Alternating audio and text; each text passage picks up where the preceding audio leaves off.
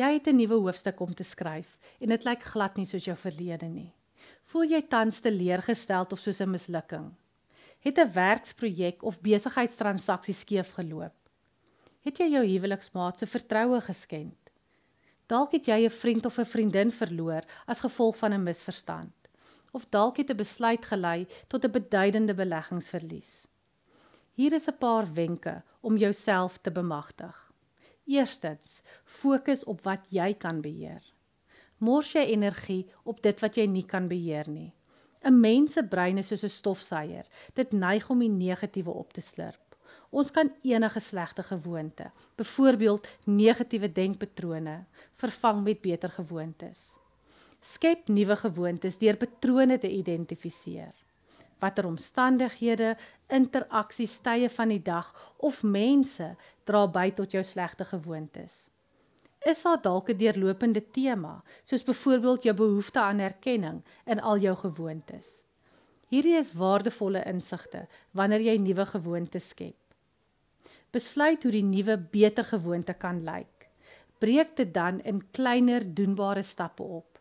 Wees intentioneel.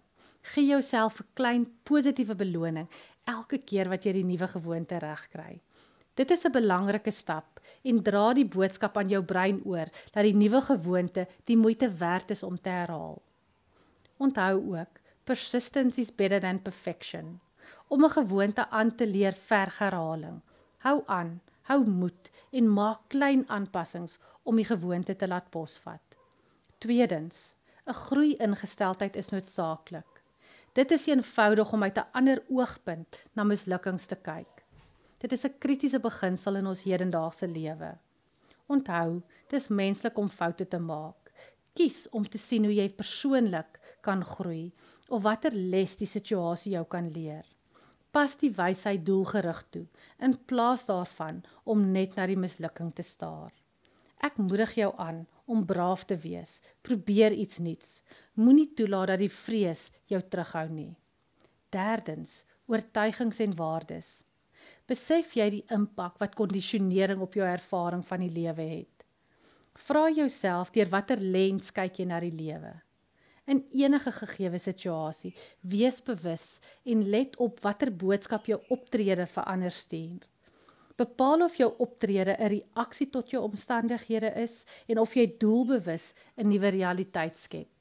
Hier is 'n voorbeeld. Jou bestuurder gee jou terugvoer oor 'n kliënt wat ongelukkig is oor jou diensvlakke.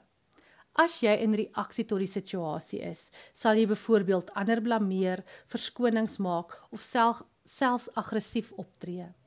Neem verantwoordelikheid deur anders op te tree.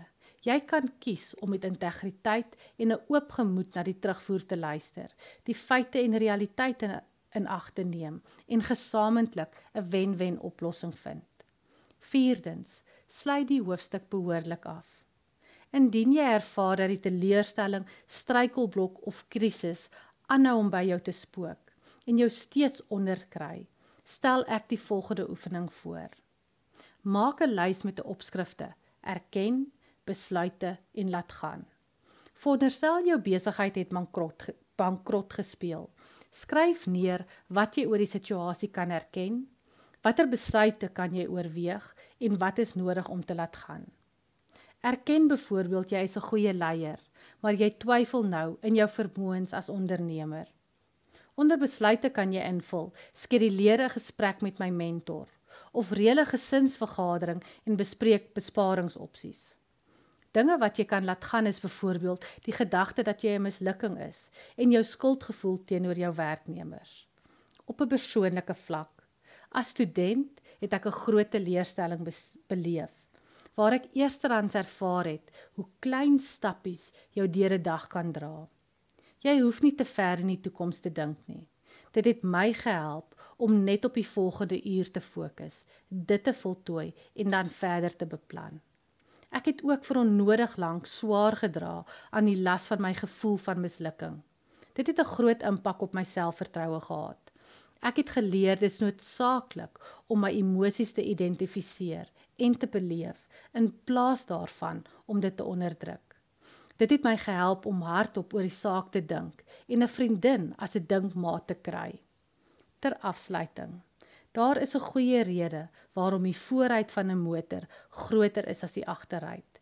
Net so moet ons vorentoe bly beweeg.